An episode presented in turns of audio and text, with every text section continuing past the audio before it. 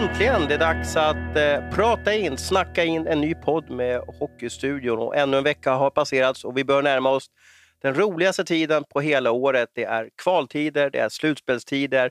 Det är nu som det händer i svensk hockey. Och hur har ditt läslov varit, Abris? Det var ganska hockeyfattigt. Ungdomshockeyn har stängt ner och SHL kör typ eh, en match om dagen eh, i bästa fall. Så att, äh, det, det, är lite, lite ovant. Att det, som du säger, det brukar vara högtryck den här tiden, men, men ehm, det puttrar mest på lite grann. Jag har faktiskt inte sett en enda match live på hela förra veckan och det var väldigt länge sedan som det var. Jag brukar vilja vara ute på en eller två matcher. När det är en vanlig säsong så kanske man rullar på och vissa veckor kanske man ser tre matcher live. Men, men förra veckan så var det är helt stiltje och det var länge sedan. Och sen får jag oftast upp så här, äh, minnen, eh, vad man gjorde för ett år sedan och nu börjar man närma sig liksom det här som skedde för ja, under 2020 när, när vi hamnade i den här äh, pandemin. Eh, så att för ett år sedan, det var nu den började, Hockeyallsvenska finalen mellan Mod och Björklöven om du kommer ihåg.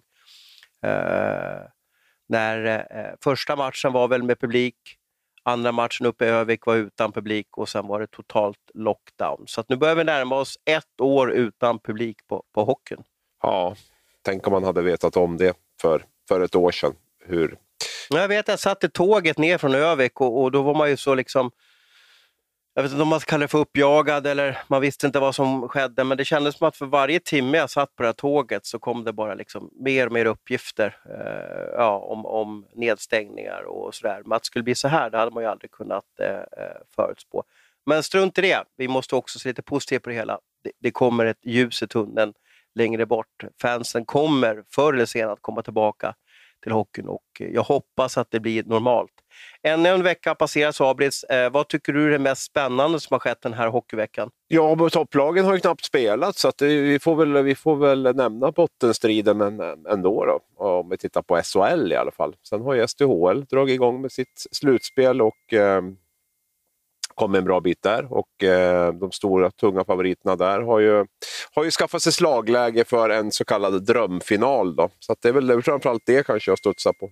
Mm, mm. Ståhål, du fick väl in alla fyra där om man minns på tipsen. Det var väl kanske det var ganska enkelt, det var väl inget högre odds på, på att det skulle bli som det blir utan vi har ju fyra stycken elefanter, tunga elefanter i damhockeyn. Det var väl lite jämnt kanske i kvarten mellan Djurgården och eh, Linköping där. Men nu om vi fokuserar på bottenstriden, du var ju på Brynäs-Leksand på, på söndagskvällen. Eh, vad tar du med dig från den matchen och hur ser du på på läget i bottenstriden. Det är väl bara fyra lag nu, vi kan räkna bort Malmö en gång för alla. Då. Ja, absolut. Ja, nej, men Leksand kan ju vinna matcher utan att spela på topp, kan vi väl konstatera där. Och eh, Brynäs behöver ju definitivt höja sig eh, ett par snäpp från det man levererade igår för att eh, slippa kvala. Det är väl den, den korta analysen. Mm, 11 mål. Um, vad, vad sades efteråt? Jag tyckte jag kollade på presskonferensen och, och, och Peter malde på som vanligt där. Ja, det var väl mantrat som var, var väl från både spelare och ledare att eh, det var de här sex målen. Det, det, går inte att släppa in sex mål om man ska ha bra chans att vinna matcher. Så det, det, det ältades väl om och om igen att eh, det var för dåligt. Försvarsspelet var för dåligt. Eh, och, eh, så att, ja, det var väl lite så här, jag tycker ändå de har fått hygglig ordning på försvarsspelet de senaste 15-20 omgångarna. Eh, så det var väl som ett litet fall tillbaks, rejält fall tillbaks. Man har ju liksom sett den här nystarten som alla, alla är tillbaks igen, alla skadefria, nu ska man vara noggranna, nu ska vi vinna matcher, få se ut hur det vill. Men, men, men, så jag tror väl att det har eh, det var ett litet hack i skivan det här att, att, att det läckte så. Sen kan man ju alltid analysera varför det gjorde det och om det var en tillfällighet eller om det är något som, som eh, något underliggande problem som finns där. Så det är väl, det är väl Bertilsson i powerplay, vad, vad ser du inför det? Ja, vem ska man spela? Jag vet inte. Nej, det är nog det. Så mycket där. Nej, det är ju, det är ju ett svaghetstecken. Det är ju, så är det ju. Men det är ju, om man tittar på, man har spelat med fem forwards tidigare. Danielsson har spelat där uppe som point och, och, och det är ju deras det är ju ett problem. De har ju ingen, de har ju ingen back som kan, kan spela där. Uh, nu gör de ju mål i powerplay ändå och har väl ett av SHLs, ja, med, så länge Rödin är skadefri så har de SHLs bästa powerplay, skulle jag tro statistiskt. Så det är väl egentligen kanske inte det stora problemet, även om jag håller med dig om att det det kanske inte ser helt naturligt ut med, med, med honom i den positionen och han ska väl egentligen inte spela där heller. Men, men eh, i brist på att det inte finns några andra alternativ så, så hamnar han ju där. Men eh, igår var det väl mer fokus kanske på um, det backarna gjorde i egen zon framför allt, tycker jag, som, eh, och i spel 5 mot 5 som var, som var det stora problemet. Vi har ett fyrlagslag om att undvika plats 13 och 14 i eh, SHL just nu. Vi har Linköping på 53 poäng, Oskarshamn 49 poäng, Brynäs 49 poäng, HV 49, eh, fel, HV 47 poäng. På tisdag möts Linköping och Brynäs. Hur viktig blir den här matchen? Ja, men den är oerhört viktig. Eh... Den måste vara ännu viktigare för Linköping eftersom de bara har så få matcher kvar. Det vill mm. säga att deras möjlighet att plocka poäng Eh, är ju inte så, så många framöver. Brynäs har ändå bara spelat 43 matcher och har ganska många matcher kvar. Jo, absolut. Nej, men det är klart att Linköping har ju en lägre snittpoäng än det Brynäs har, så att de, de, behöver ju, de behöver ju få upp sitt snitt eh, för att, för att liksom passera Brynäs, om man säger så. Då. Så det är klart att den, den, är, den är kanske ännu viktigare så sett, då, men samtidigt med tanke på det Brynäs nu kommer med två förluster här efter omstarten, och Linköping på hemmaplan, det är klart att det är en match som de måste vinna, skulle jag säga, eh, för att eh, skaffa sig lite arbetsro, lite lugn och ro och eh, lite marginal också ner till, till HV och, och Linköping då framför allt, som är de två lagen som har lägst snitt, snittpoäng. Då. I och med att det haltar så mycket så får vi väl gå på snittpoängen här. Tänk ändå att Olof Palve avgör för Brynäs på tisdag. Hade det inte varit på något sätt vackert, eller? Jo, ja, det beror på vem du frågar, men, men eh, det är ju inte så ovanligt att spelare byter fram och tillbaka här nu heller. Ja, det, det, är ju, det är ju svårt, det är klart det är en viktig match. Samtidigt så återstår det ju en hel del matcher också, så att det, det är ju inte direkt den sista avgörande matchen. Men, men eh, vad har du för känsla? Vem vinner imorgon? Om vi nu säger att vi lyssnar på det här på måndag. Ja, jag kan väl tycka att det är väldigt svårt. Eh, jag, jag tycker att det, alla lagen slår alla. Jag menar, vem kunde se att Brynäs, eller fel, att Malmö fick den här eh, formtoppen? Eh, och så. Jag, jag, jag, tror ingen människa kunde förutspå det. Eh, och så vidare. Så det handlar ju om nu att få ihop det totalt, att gruppen går samman och, och har lite tur, lite stolpe in, få vinna två matcher i rad och liksom andas ut. Eh, jag kommer ihåg att det var någon hockeyspelare jag, jag, jag pratade med och så ställde man den här frågan. Liksom, vad, vad, krävs för att förändra en trend? Vad, vad, krävs för att komma in i en formtopp? Eller, och, och sådär, va? Liksom så. Och då, då vet jag att han sa liksom, ja, men det är inte, man behöver inte göra så mycket, bara man gör någon liten detalj och så får man utväxling på den lilla detaljen. Då, eh, då kan det gå riktigt bra. Och Det behöver inte vara något viktigt, det kan bara vara att man ändrar lite i pressspelet eller byter någon, någon kedja eller någonting sånt där. Och, och som bara, just att man får en positiv effekt av det, så att alla känner på något sätt, ja men nu, nu är vi med. Eh, sådär. Så att det är väl kanske eh, det jag tror. Men eh, jag hoppas på en rolig hockeymatch, spännande och att det inte är det är inte misstag som avgör utan det är fina prestationer som avgör i, i, i RP Monitor Arena. Det är väl det jag känner. Och sen vill man ju ha dramatik. Jag, jag som står och även du, vi som står utanför och kikar på det här, vi vill ju ha dramatik. Tänk vad tråkigt om lag 13 och 14 hade varit avsågade nu, utan att det blir liksom ingenting som, som, som är viktigt. Nu finns det ju faktiskt saker att nörda ner sig ner. Jag menar 18.00 tisdag 9 mars, Brynäs-Linköping. Den blir ju helt otrolig. Och om vi blickar framåt, höjer blicken lite, tisdag den 23 mars, HV71 Linköping. Den blir också helt, helt galet viktig det som talar emot Linköping är också att säga, de, de, efter de möter Brynäs nu på, på tisdag, sen möter de på torsdag eh, Rögle hemma, på lördag Luleå hemma. Det är två tuffa matcher. Det är det jag säger att de har inte så många tillfällen kvar, Linköping, att plocka poäng, så det ser, det ser tufft ut.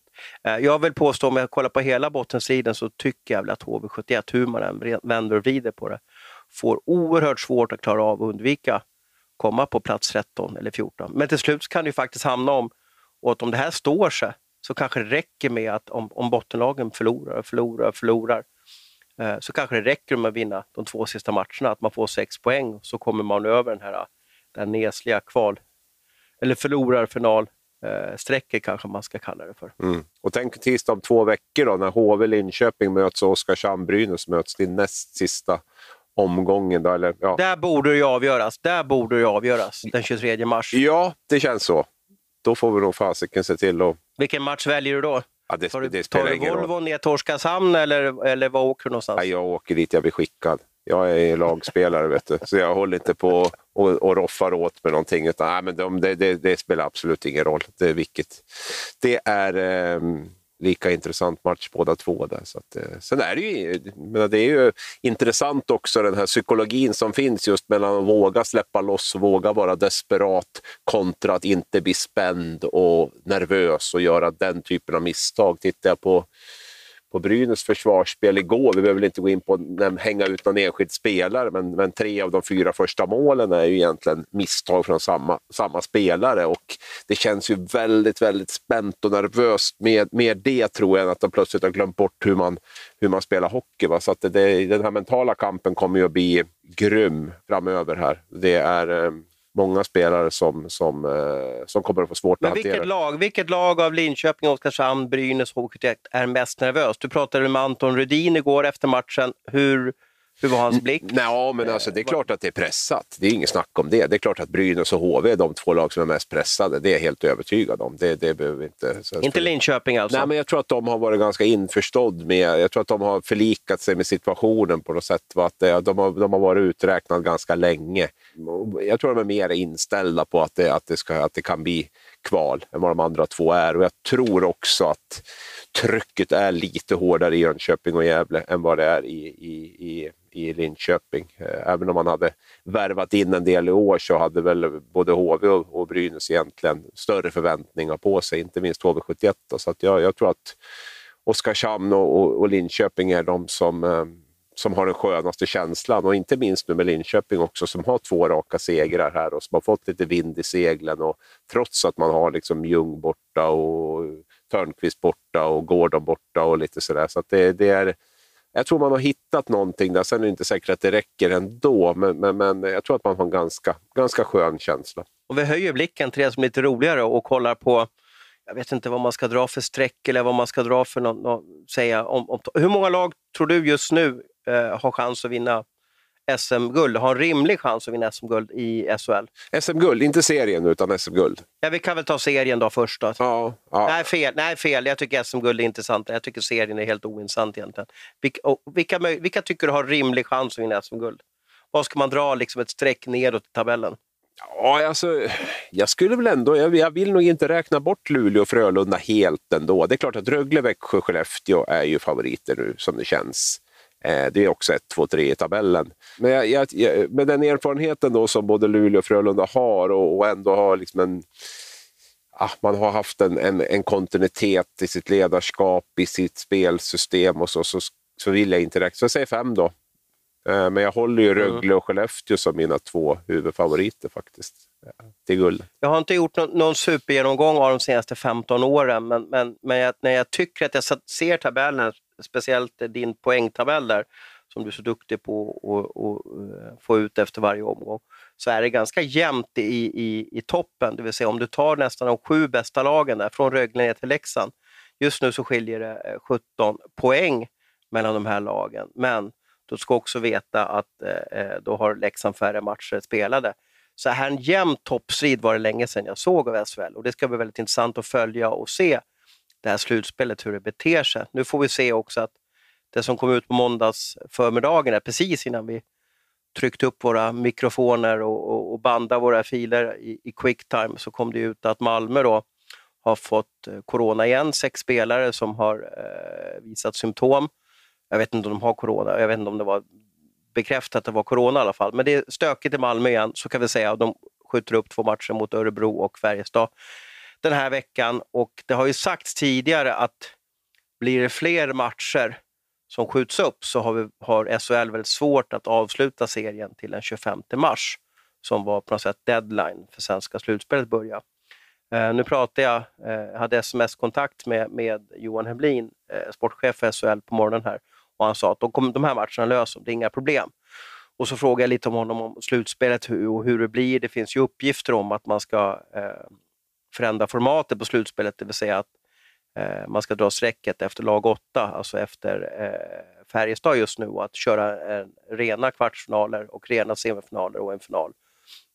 Hemlin vill inte bekräfta det. Han sa att det finns väldigt många alternativ. Det finns ju plan A, B, C, D, E, F och så vidare. Eh, det man försöker göra in i det sista är att behålla det här formatet som finns och sen att komprimera, att spela liksom dubbel hemma, dubbel borta, minska resdagen och så vidare. Så man, man har ju varit väldigt duktiga på det här. Eh, så att som det ser ut just nu så finns det i alla fall tio lag som har chansen att gå till slutspel. Men dit jag vill komma, jag, jag kan inte minnas när det var så här jämnt senast. Eh, jag tycker inte att det är så stor skillnad mellan Rögle, Växjö, Skellefteå och, och kanske Frölunda. Jag, jag, jag, tycker inte man kan räkna bort Frölunda. Jag tycker inte heller att man kan räkna bort Leksand med den formkurva man har visat på slutet och med väldigt många spelare borta och så vidare mot Brynäs. Så att jag, jag just nu vill jag nästan påstå att det är sju lag som har chans att, att lyfta Lumatti i vår. Ja, det, jag, jag, vet inte. Jag kan väl hålla, tycka också att det har varit rätt jämnt de senaste åren. Jag tycker att det har blivit, känts jämnare och jämnare eh, egentligen sen Skellefteås storhetslag där och sen det laget Växjö som jag inte hann säga. Ja, men jag hann inte ja. säga det den säsongen med det laget de värvade på, eller värvade ska jag inte säga, men de fyllde på också med ett par spelare mot slutet där med Dennis Rasmussen och, och lite sådär så, så, och Andy Miele. Så, så hade ju de också ett lag som, som kändes i, i, i en klass för, för sig. Um, men i övrigt så tycker jag nog att det har varit jämnt. Men, men jag kan samtidigt hålla med om att det, det är um, det är inte mindre ovisst nu än vad det har varit tidigare. Det, kan jag hålla med om. Sen vet jag inte om Rögle bara får det att lossna, om de kan, kan eh, bli ett nytt Växjö eh, 2018. Men eh, vi får väl se.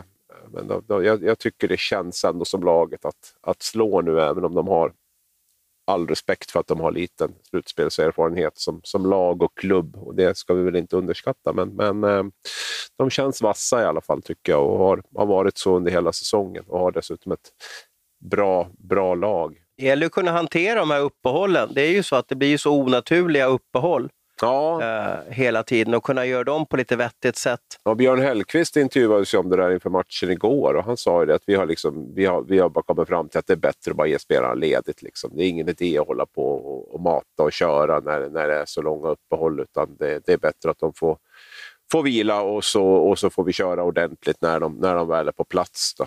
Ehm, så det finns säkert lite olika strategier i det där. En del har nog tryckt på lite hårdare skulle jag kunna tänka mig, och träna lite oftare och vissa har vilat mer. Så vi får väl se vad som visar sig rätt sen. Ja, det är väl det med att det blir väldigt ryckigt och det laget som klarar att, att ta till sig det eller kunna på något sätt göra vettiga dagar och vettiga träningar och ha någon vettig rytm i det hela. Det är väl de som kommer kanske på sikt att bli vinnare av det här. Men du som är den här frikostiga nu då med sju lag, du räknar bort Färjestad alltså? Fast den har sju lag. Ja, men just nu om man ser tabellen, då, men det är väl klart, kan man någon gång räkna bort Färjestad? Det känns ju jättemärkligt att, att kunna göra det i ett slutspel. Och Det är väl också att få dem ihop det på slutet här och, och de hade en stark vändning mot Leksand här för ja, du vet, man blir så dagvild här och det är så många konstiga omgångar. Men jag vet, om det var förra lördagen eller vad det var för något, så, så, eller förra torsdagen var det. Ja, någon, torsdagen var det i alla fall. Ja, precis. precis. Så det är klart att eh, man inte borde kunna göra det. Men eh, just nu så ser jag det som ett, sju, ett sju och jag, jag, tycker att det skulle bli väldigt intressant. Och Luleå, Örebro, Skellefteå Frölunda just nu.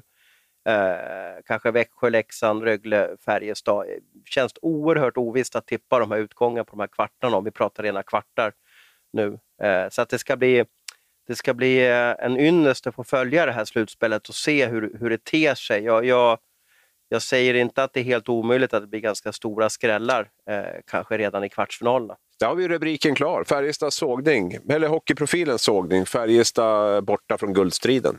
Perfekt.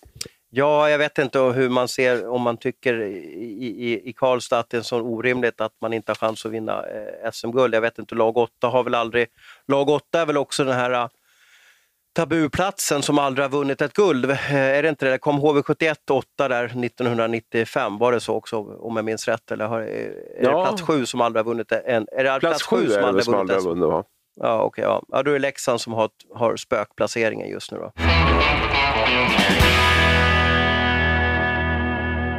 Vi är inne i mars, det är den stora silly season-månaden och eh, vi var nästan tvungna att skjuta fram den här podden för Abel satt och tokskrev på på eh, förmiddagen här. Du hade lite silly som du bjöd våra läsare på. Vad var det för någonting? Ja, det var, det var, det var, det var eh, Karlskogas eh, skicklige back som jag har sett en del i vinter och som jag gillar skarpt. Filip Ros har jag ju förstått att det ska bli SHL för kommande säsong. Det brukar ju bli så om man gör det bra i Hockeyallsvenskan. Eh, däremot... Ingen släkting till mig vill jag säga. Nej, dubbel-O på, på, på Filip där. Eh, så att, nej, du kör ju enkel-O. Så att det, var, det var en annan. Nej, men han eh, det har ju funnits, han var utlånad till Växjö där i höstas och han har ju varit i Frölundas juniororganisation. Så det fanns väl liksom lite kopplingar däråt. Men, men det jag hörde nu i alla fall var att det blir Skellefteå som ligger närmast att eh, locka till sig den här långe, eh, skickliga backen. Och, eh, känns väl också lite logiskt med tanke på att Skellefteå bara har två backar i princip på, på, på, eh, på kontrakt. Där man har Oskar Eriksson utlånad till Södertälje också, unge backen. Så det är väl eh, behöver väl fyllas på lite grann där. Så det var väl det. Sen fick jag också tips om att eh, Tex Williamson kommer att spela med Modo kommande säsong. Han har ju varit utlånad där redan två säsonger i Oskarshamn nu och även gjort någon, någon match för Modo den här säsongen. Men, men eh, nu ska det tydligen bli permanent till kommande säsong. Även Erik Karlsson hörde jag från Koko till Modo. Men där såg jag att... Inte från Sharks alltså? Nej, det är inte backen Erik Karlsson från San Jose, utan det är forwarden. Timros kvalhjälte. Har det gått inflation i ordet kvalhjälte, Thomas? Ja, men det har, vi har väl några genom åren. Det måste ja, man men väl inte säga, alla i ett lag kvalhjältar som går upp. Ja, men du måste väl rädda någonting. Du måste väl göra eh, en Haukeland eller du måste väl göra en Brock Montpetit eller, eller sådär, tycker jag i alla fall. Eh, jag vet inte om det räcker att göra en, en andra assist i, i, i match tre för att bli en kvalhjälte eh, direkt i alla fall. Men visst, Vilmo Skallo var väl kvalhjälte kanske också? Så kanske ja, Erik men nej, på, din, på dina kriterier så har det gått inflation i kvalhjälte. Där får, jag, där får jag ta åt mig lite och även några av mina kollegor i branschen. Vi kanske får vara lite försiktigt sparsamma med det, med det ordet framöver. Men jag tycker att eh, har man vunnit guld eller har man gått upp med ett lag så är man för evigt ihågkommen i, i, i den klubben och den staden. Och, och, och Då kan man säga att Janne Juvonen är, är, är JVM-hjälte, kan man säga det också? Han stod i en match där. Ja, för Finland i alla fall. Så måste man väl ja. ändå säga det, det tycker jag väl. Men den största silly förra veckan, det var väl ändå Robert Olsson, att han väljer att inte fortsätta med, med Djurgården, det måste du väl säga? Ja, Absolut. Vi har varit, vi har, den här grejen har legat och bubblat kan jag säga i våra grupp-sms och Slack-trådar och så vidare. Jag tror det står som en liksom stående grej. Kolla Djurgården och Robert Olsson. Eh, varje vecka har den funnits där och, och nu har ju inte jag suttit med tyvärr, jag skulle gärna göra det när, när Joakim Eriksson, general manager och Robert Olsson, huvudtränare för Djurgården, pratar med varandra. I, och sådär. Uh, för Djurgården har haft en väldigt speciell säsong. Man, man var kungar på hemmaplan ett tag och, och och jag vet inte vad man, hur högt man uppe man var i tabellen, om man var femma, sexa eller vad man var som bäst. Men sen så kom ett ras eh, och man var ju nära nästan att, att, att dras med i den här bottenstriden, men man har lyckats liksom hålla sig undan den och nu, nu känns det som att många djurgårdare, kanske fansen också, bara ja men låt den här säsongen ta slut så siktar vi på nästa. Eh, och Robert Olsson värvades ju från, eh, från Frölunda, assistent till, till Roger Rönnberg tog laget till final mot, mot Frölunda. Eh, räckte inte hela vägen fram, men gjort det bra i Djurgården. Eh, förändrat en träningskultur, blivit lite Frölunda light, det vill säga med långa arbetsdagar. Men den här säsongen har liksom inte riktigt kommit igång och nu väljer Djurgården och Robert Olsson eh, att bryta med varandra, i alla fall inte förlänga kontraktet. Eh, jag vill påstå att det kanske är Robban som har tagit det sista steget för att blivit lite headhuntad från Skellefteå och känt att det här är en bättre väg att gå. Blev du förvånad? Eh, både och skulle jag vilja säga. Det här har ju som sagt, jag har legat puttrat ett tag. Det var en källa som sa att det var ju klart länge, varför inte skrivit det typ, så här, typ, när, vi, när vi gjorde den och sådär. Så, det, det, det, är ju inget som har... Man inledde ju förhandlingar, jag tror det var före ja, december någon gång och sådär och var väl kanske trodde väl att det skulle landa i ett tvåårskontrakt, men på resans gång så, så har det inte... Liksom, dels har resultaten inte varit bra, sen tror jag inte kemin har varit hundraprocentig mellan, mellan general manager och tränaren i det, i det här heller. Och sen vad jag hör också så, eh, så vill ju Robert Olsson väldigt gärna ha ett lag som verkligen kan gå för det där SM-guldet. Och eh, frågan är ju hur Djurgårdens lagbygge kommer att se ut nästa säsong. Det har ju trappat av lite grann efter, efter SM-finalen där mot, mot Frölunda så känns det som att eh, man inte riktigt har kunnat vara med och, och matcha på de här tyngre, tyngre spelarna. Så att, eh, jag tror att det var flera olika faktorer som vägde in, men jag tror också som du är inne på att eh, det var nog kanske Robert Olsson i första hand som, som, som började backa ur här. Och då blir den stående frågan eftersom eh, Djurgården var så de slängde åt oss litet köttben i det här pressmeddelandet de skickade ut i veckan och så skrev de att det eh, är slut, det slutförhandlas med en huvudkandidat och varken vi eller Expressen eller Hockey News eller någonting har lyckats spräcka det. Vi får se vem som vinner den fighten. Vem tror du? Jag vill inte, jag vill inte säga att du, du ska avslöja vem, vem vi ska skriva, vem det blir. Men vem tror du eh, blir ny Djurgårdstränare och vem tycker du skulle passa som det? Man måste väga, väga in ganska många parametrar här för att om man ska säga vem, vem, man tycker själv, då går man ju efter det man tycker vad som finns i sin egen kropp och man tycker vem som passar och så vidare. Man kanske vill ha Kjell Berglund tillbaka av nostalgiska skäl eller av Djurgårdsskäl och, och sådär. Men man måste också veta att Djurgården är en, en hockeyklubb idag som styrs väldigt mycket av Joakim Eriksson. Han, han, han, eh, jag vill inte säga att han, jag vill inte använda ordet järnhand, men han styr väldigt mycket vad som sker runt laget och i laget. Och det vill säga, då måste man ha förståelse för att den tränaren som kommer in accepterar den rollen och måste synka väldigt mycket med, med Joakim så att man ser på hockey och ledarskap på samma sätt. Ja, det, det är ju... Och då kanske inte Challe Berglund är trolig, för jag tror, tror Challe Berglund vill ha lite, liksom, ja, sköta sig själv. Då. Ja, men om du frågar mig lite grann. Ja, jag, jag tycker att det har varit intressant att se Johan Hedberg i Djurgården faktiskt. Det måste jag säga. Eh, Menar du Mora-Johan? Ja, alltså, finns det fler? Jag vet, Johan Hedberg är hyfsat vanligt ja, Finns det någon skådespelare som Johan, Johan Hedberg, Hedberg, tror jag. Absolut, jag, jag, jag, tycker att han känns spännande. Jag tycker att han verkar ha, en stor integritet. Han verkar veta vad han vill, Eh, hur han vill spela.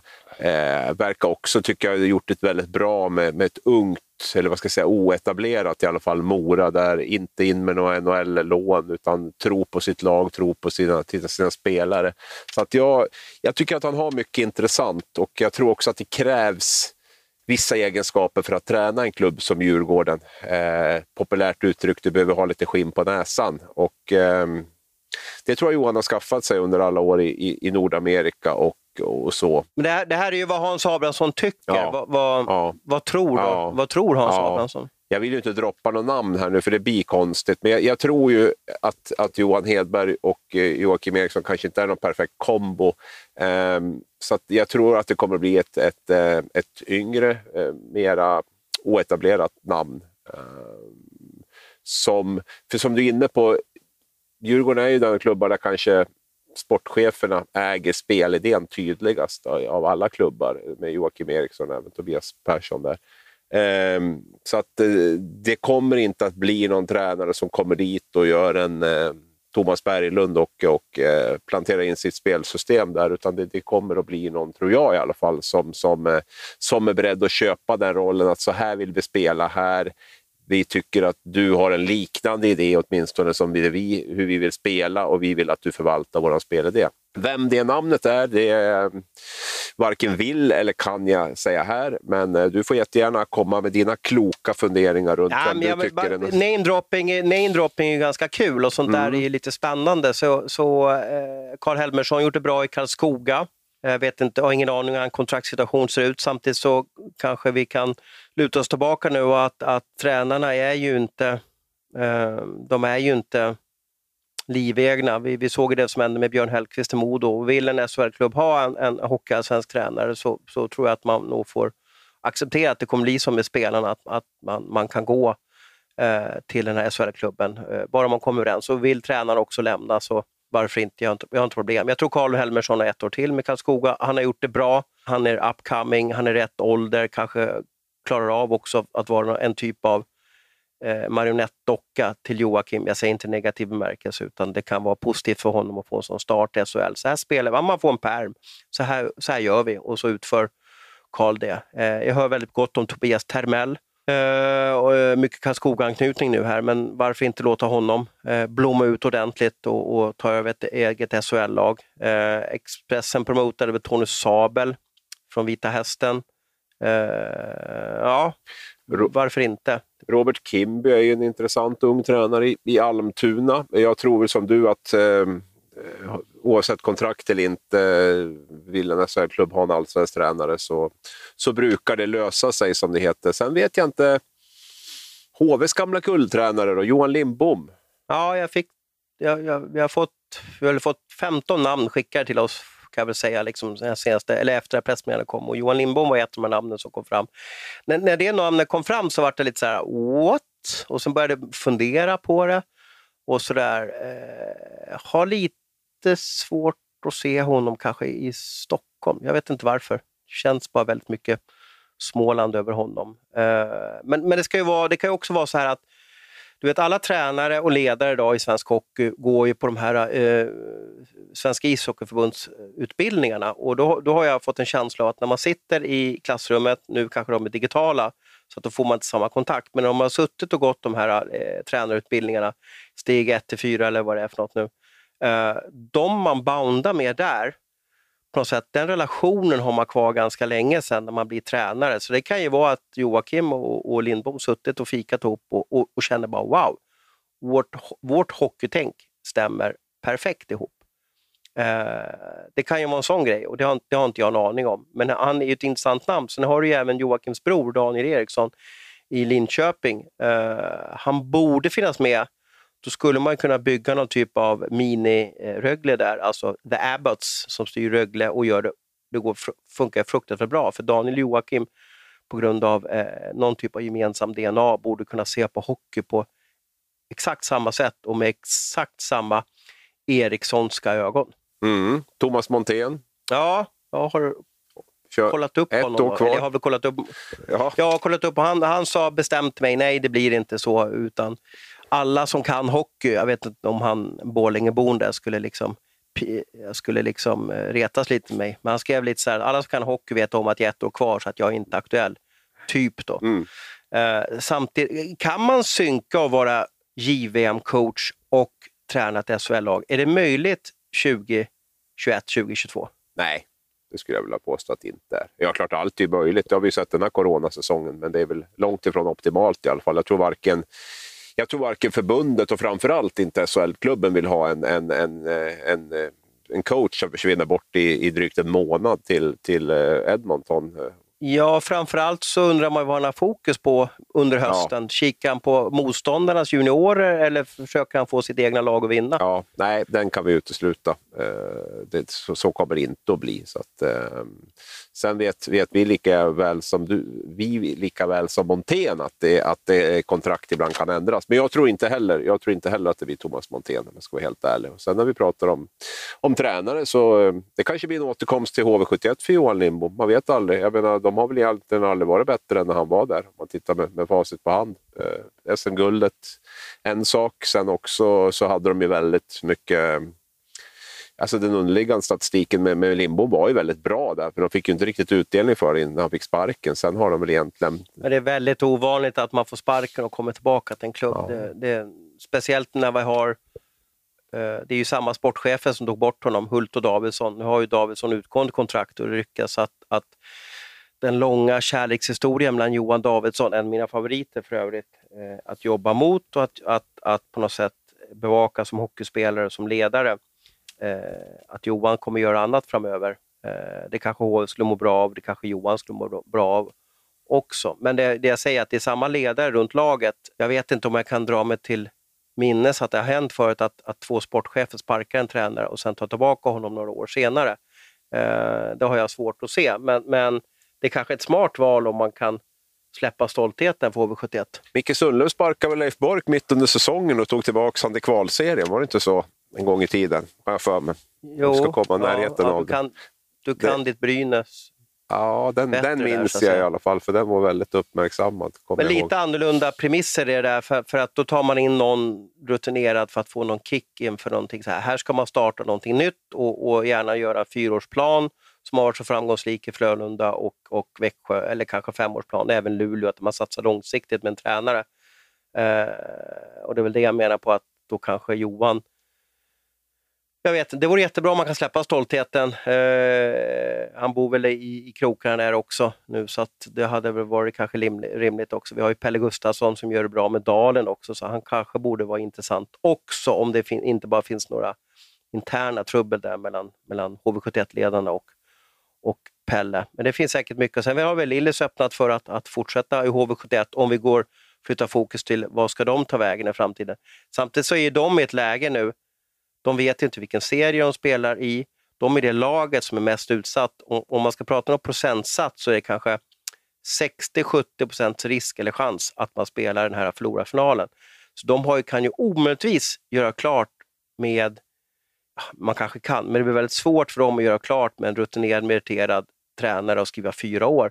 För man vet ju inte, man, man, i en förlorarfinal, så just nu så har man inte hemmafördel när det gäller matcherna man, man som lägst rankad är man ju då kanske tippad att åka ur. Eh, man vet ju inte vilken serie man spelar nästa år och det är ju en situation som många andra lag varit eh, under, under många år tidigare, men inte HV71. Så att de måste göra det här klassiska plan A, B, C, D kanske just nu och, och då är det inte lättaste att kunna värva duktiga hockeyspelare eller en tränare som man vill bygga med på sikt, utan det är bara att överleva kommande veckorna det handlar om.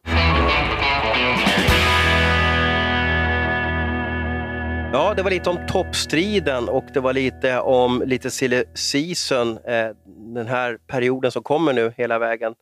Ja, kan jag nästan påstå fram till maj så kommer det ramla in spelare. Det kommer flytta, spelare kommer flytta mellan klubbar och jag tänkte stanna lite med det där. I Schweiz är man väldigt duktiga på att gå ut och berätta ganska tidigt att den spelaren eh, väljer att gå dit och den spelaren väljer att gå dit. I Sverige blir det hysch-hysch med det hela. Eh, vi hade exempelvis, vi berättade att Jan Juvonen har signat med en KR-klubb. Jag hörde att det var Jokerit för övrigt. Eh, ska vi göra som Schweiz? Ska Jokerit och, och Leksand skicka pressmeddelanden att Janne lämnar Leksand? Eller ska vi hålla det här och gå och vissla och sådär? Eller vad tycker du? Det även Expressen som har berättat att Jonas Rask lämnar Örebro för, för Luleå eh, och sådär. Och vi hade Filip Roos, Karlskoga, som väljer Skellefteå. Ja, hade inte vi någon till Luleå också, eller har jag drömt det? Ja, Vilmos Gallo Just hade vi. Just det, Vilmos Gallo, men det var inte inom SHL. Nej, nej, du ser. Nej, men det är ändå men två ändå... klubbar som berörda ja. av det och, och ja. så vidare. Alltså ska vi göra att vi på något sätt, vi älskar ju silly och jag tycker fansen har en förkärlek till den också. Ska man hålla det hemligt? Ska man försöka hålla det hemligt eller ska man liksom gå ut och berätta, ja men de här valen har vi gjort. För mig jag vet inte om, bara för att jag har jobbat i, i mediebranschen länge, det är ju noll big deal för mig att Jonas Rask lämnar eh, Örebro för, för eh, Luleå. Eh, han kommer ge järnet resten av säsongen, han kommer vara en duktig hockeyspelare för Örebro. Det finns stora chanser eller risker att de här lagen möts i eh, slutspelet. Eh, ja, ska han inte göra mål i frilägen då, eller vad tror man? Eh, jag, jag, tror han kommer göra sitt bästa. Han kommer vilja vinna den här säsongen, för det, det är så hockeyspelare funkar, att man, man vill vinna varje match. Eh, och sådär. Men min frågeställning var lite, ska vi göra som i Schweiz, att man bara går ut och skickar Ja, och berätta exakt, nu har vi skrivit sjuårskontrakt med han och så vidare. Ibland kan man skicka i Schweiz också nästan ett år före kontraktet går ut och berätta att eh, SOG har värvat den här killen, eller Lugano väljer att eh, eh, värva någon, någon schweizisk landslagsspelare från Bern eller någonting.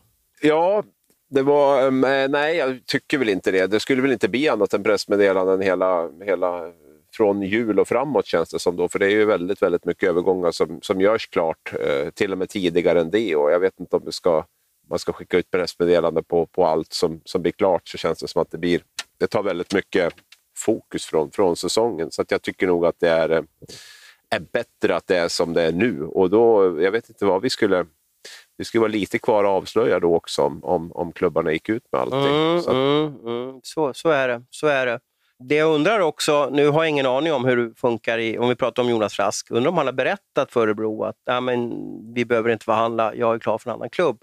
Eller om han går och visslar och liksom, ja, han trycker bort liksom, eh, eh, Niklas Johanssons samtal när han ringer och sådär och försöker bara förhala det hela. Man undrar ibland hur, den dialogen funkar mellan en klubb som, eller mellan spelare som har bestämt sig. Kanske, jag tror inte man skriver på ett kontrakt, jag tror inte man funkar så, utan man skakar tass och sen får det bli på något sätt ja, att man lovar att man kommer. Eh, och sådär. Jag har väldigt svårt att se att man skriver på själva kontraktet. Ja, jag hör nog tvärtom snarare. Det där med muntliga överenskommelser är inte jättevanligt utan det, det, det, de flesta kontrakt skrivs på. Sen ska vi säga att de, alltså alla spelare har ju agenter och det är ju de som sköter, sköter den här förhandlingen med, med Niklas Johansson. Och det är klart att i de flesta fall så är jag övertygad om att har de eh, haft en förhandling och kommit överens med en annan klubb så meddelar de nog den klubben på eh, i, i, någon form att vi, vi behöver inte förhandla något mer nu eller, eller han, han, han bestämmer sig för att flytta till nästa år och sådär. Jag tror inte att det är någon, någon big deal på det, på det sättet där. Det finns väl ingen anledning att sitta och ja, det, gäller bara, det gäller att vara öppen luft. i alla fall, det är väl det jag kan tycka. Ja. Att man inte,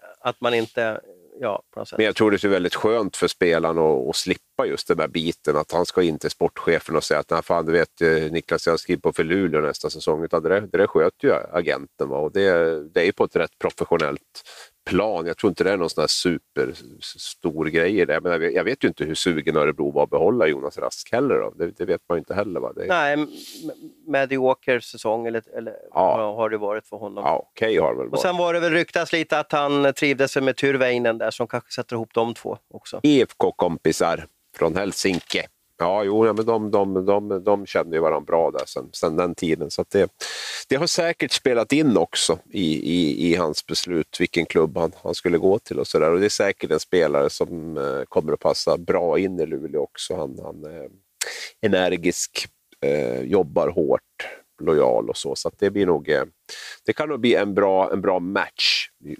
Luleå har ju, är ju ute det är väl årets Örebro kanske, va? Med, med många tidiga värvningar känns det som är, är, är klar redan. Det känns lite som att eh, det där går som en, nästan som ett coronavirus från klubb till klubb. Eh, Örebro blev av med en del bra spelare eh, för två år sedan och nu i, i fjol så gick de all in på att värva bland annat Robin Kovacs och Emil Larsson tidigt under säsongen.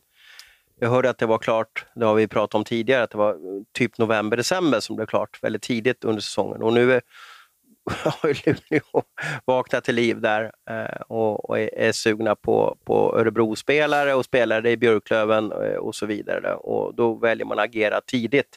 tycker det är ganska häftigt när man säger det. Det skulle vara intressant om man fick testa att vara sportchef någon gång. För då ska man köra den här klassiken. Ja, du får det här kontraktet, det gäller en vecka ta det eller så går vi vidare och ger kontraktet till en annan spelare. Man sätter en ganska häftig press på den här spelaren. Det är mycket pengar, man måste bestämma sig tidigt. Eh, man har kanske lite ångest mot den arbetsgivare man har nu. Och, och sådär. Så den pressen blir ju väldigt speciell att hantera också. Man vet kanske om att man haft en bra säsong, men kanske lite osäker. Kommer jag kunna vara så här bra över tid? Det vill säga, hur är mitt marknadsvärde? Att leka med de här känslorna, det, det hade jag tyckt var häftigt att få, få vara med om. Ja, jag skulle tro att Luleå är inte ensam i klassen heller. Jag skulle tro att de flesta SHL-lag har säkert klart med fyra, fem spelare till, till, till kommande säsong redan, redan nu. Så, att, eh, så det, den eh, värvningscirkusen snurrar oavbrutet på, oavsett om det är covid eller inte. Spelare behöver de ha i alla fall till nästa säsong. Vi är inte helt klara med den här podden, eh, men vi börjar ta slut lite på de, eh, list, eller de punkter vi hade på vårt manus. Vad, vad, vad ska vi prata om resten av programmet tycker du? Ja, men vi har väl mycket annat än SHL. Vi har väl, vi har väl SDHL-slutspelet, vi har Hockeyallsvenskan. Eh, det finns väl eh, hur mycket hockey som helst att prata om. Men du, jag blev lite irriterad här på när jag satt och kollade på SDHL. Jag kollade inte alla matcher, utan jag, jag liksom gjorde så här second screen kan man kalla det för. Kolla på någonting på TV. Det var en oerhört eh, fantastisk sportsöndag måste jag säga med, med Duplantis Vasaloppet, Femmilen, det var SHL, det var Hockeyallsvenskan och det var SDHL. Och, eh, jag blev lite förvånad. Varför har man inte målkameror i SDHL? Ja, det är jag, I ett jag är inte expert på det. Jag vet inte. Jag, jag ser ju en sekvens här från eh, Luleås match mot, mot Djurgården där jag tycker att eh, eh pucken är såklart inne. Nu, nu vann ju Luleå ändå, så att jag menar, det kanske inte har någon större betydelse för framtiden och ingen kan stå, men det är ju ett avslut som jag ser att den fantastiska Anton Johansson har giffat här, där pucken är klart inne, men det vart inte mål för, för Luleå.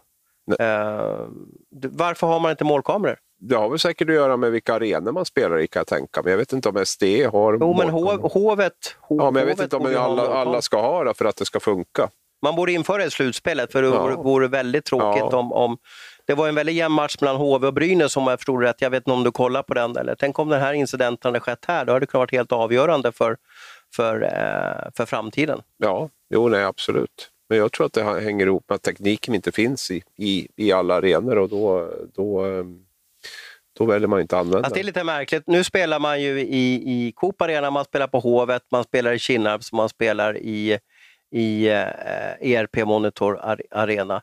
Så då borde det väl finnas eh, möjligheter. De, det är ju fyra SHL-arenor, där finns ju kamerorna. De, de, de, finns ju där några meter upp i, i taket. Då är det bara att jag vet inte om det handlar om ekonomi kanske, att du ska ha någon som ska sköta systemet, eh, men, men det borde man se till. Eh, jag vet att SHL eh, hjälper ju till och är delsponsor till SDHL och jag kan tycka att lite av de här pengarna borde man använda till att ha, att ha bra utrustning. Så att ett mål ska ju alltid vara ett mål.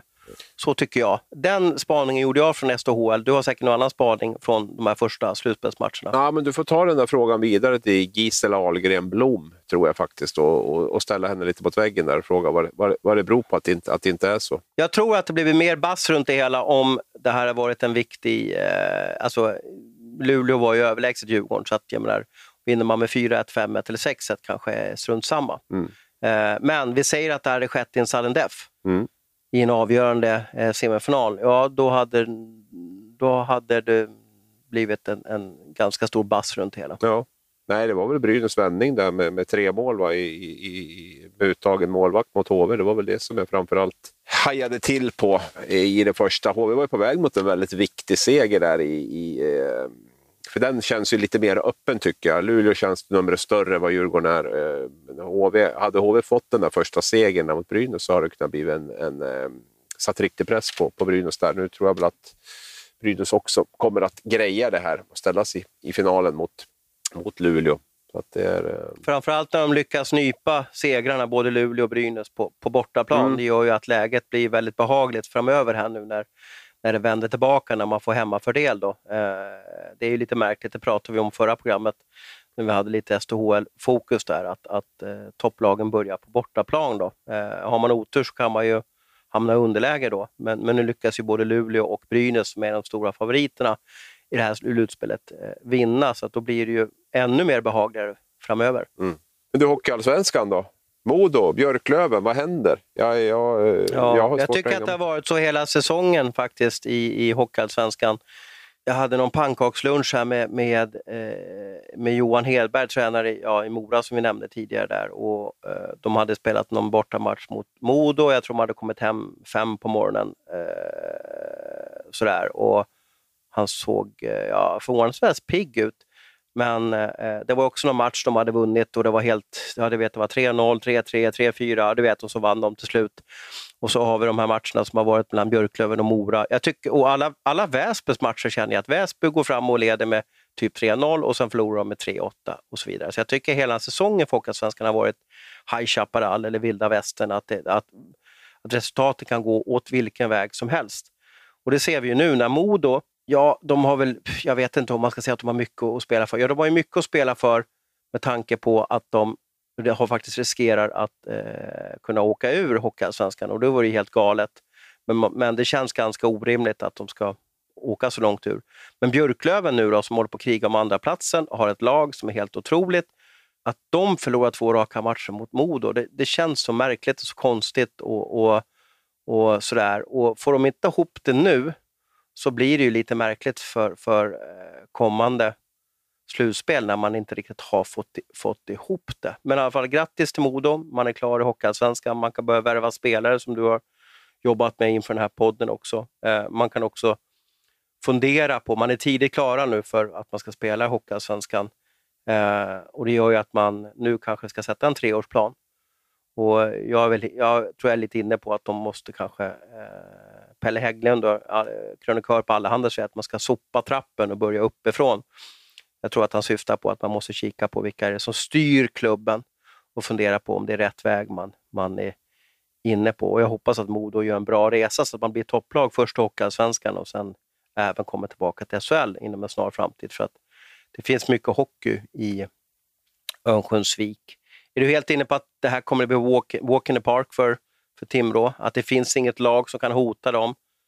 och vinna fyra matcher mot, mot Timrå kommande två månaderna? Ja, men pratar vi inte väldigt lite om hur dåligt Björklöven spelar i perioder? Alltså jag, jag, Kente var ju Gud och Jesus och allt möjligt här för ett år sedan och nu tycker man de har ett, ja, på pappret väldigt bra lag igen. Men det, jag har jättesvårt att se att de får ihop det här och kunna hota Timrå faktiskt. Jag, jag, har man inte fått ihop det på 49 matcher så, så är jag väldigt tveksam till om, om, om man kommer att få ihop det i slutspel. Här. Jag menar 4-12 på två matcher mot Modo i en sån här ganska prestigetungt möte ändå, för, inte minst för fansen. Det är ju, nej, jag, jag, jag, jag, jag tycker att det ser inte alls bra ut där. Jag blir allt mer tveksam till om, om de eh, lyckas få ihop det här.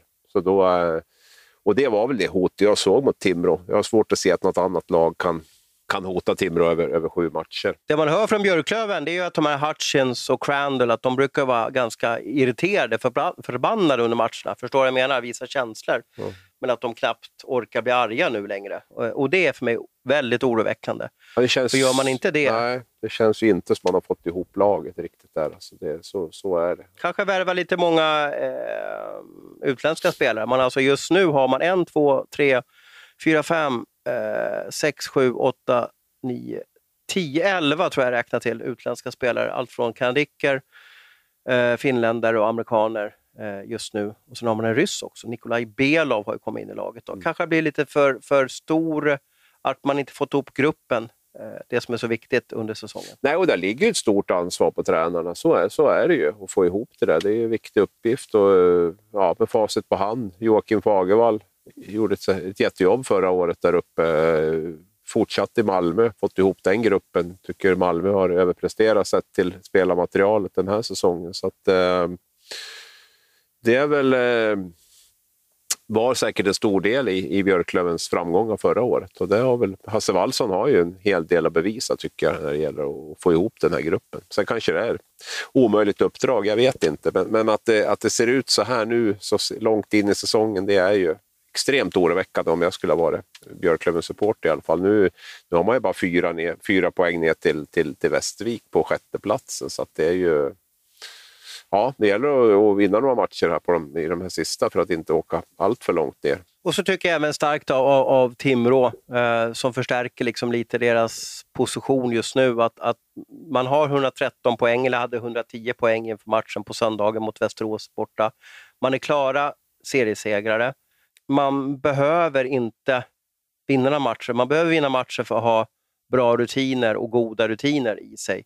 Men ändå åker man ner till Västerås, och gör en, som jag förstått, jag kollade inte varje minut, man gör ingen bra hockeymatch, men vinner med 2-1 och bibehåller på något sätt det här liksom ruset i, i laget till att man, man, man är vinnande och man studsar upp på banan efter att ha förlorat hemma mot Tingsryd 3-5. För det är ju det här som är oroväckande. Om, om Timrå nu, äh, vi, vi struntar i de här sista fyra matcherna eller fem matcherna eller sådär.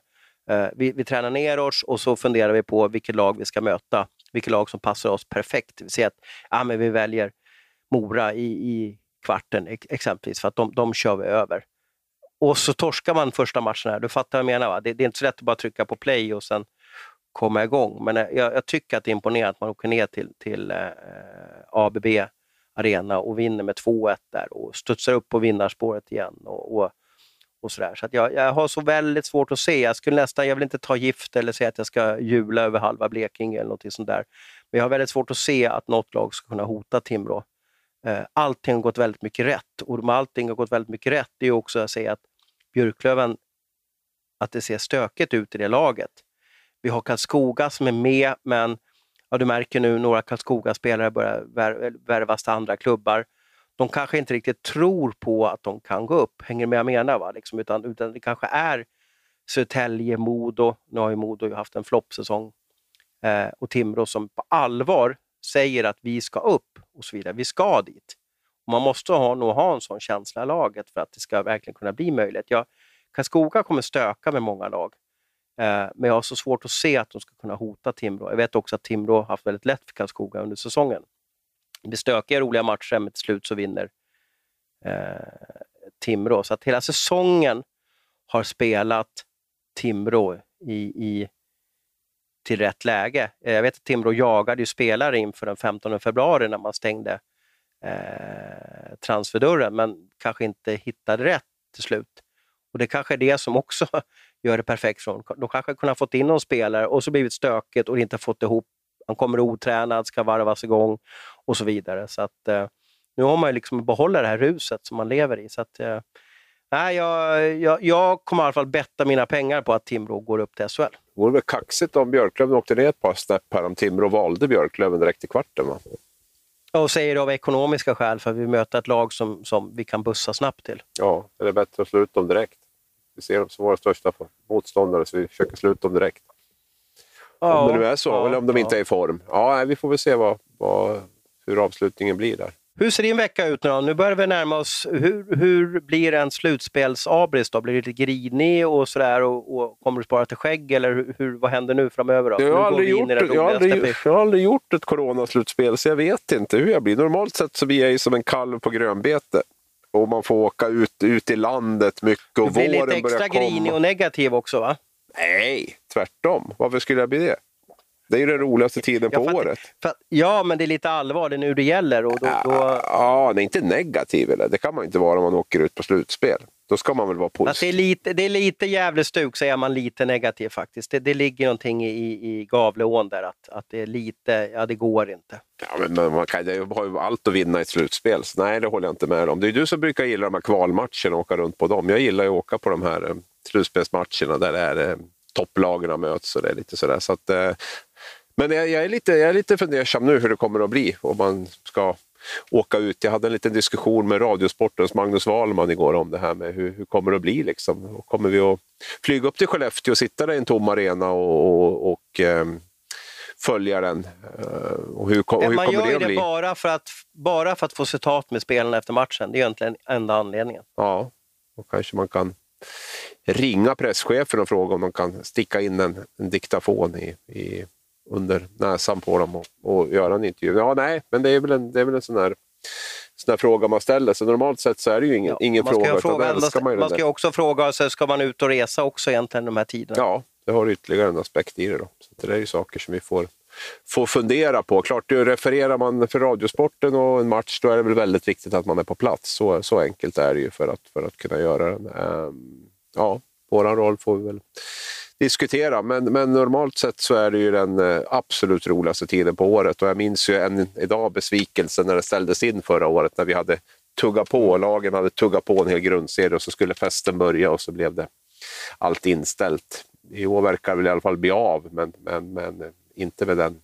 inramning som vi har var vant oss vid. Då. Men så vi, får, vi får väl se hur det, hur det kommer att kännas. Bra jobbat Rabris och ha nu en riktigt fantastisk hockeyvecka framför dig och eh, till er som har orkat lyssna nu i nästan 60 minuter. Tack för att ni finns och eh, sköt om er.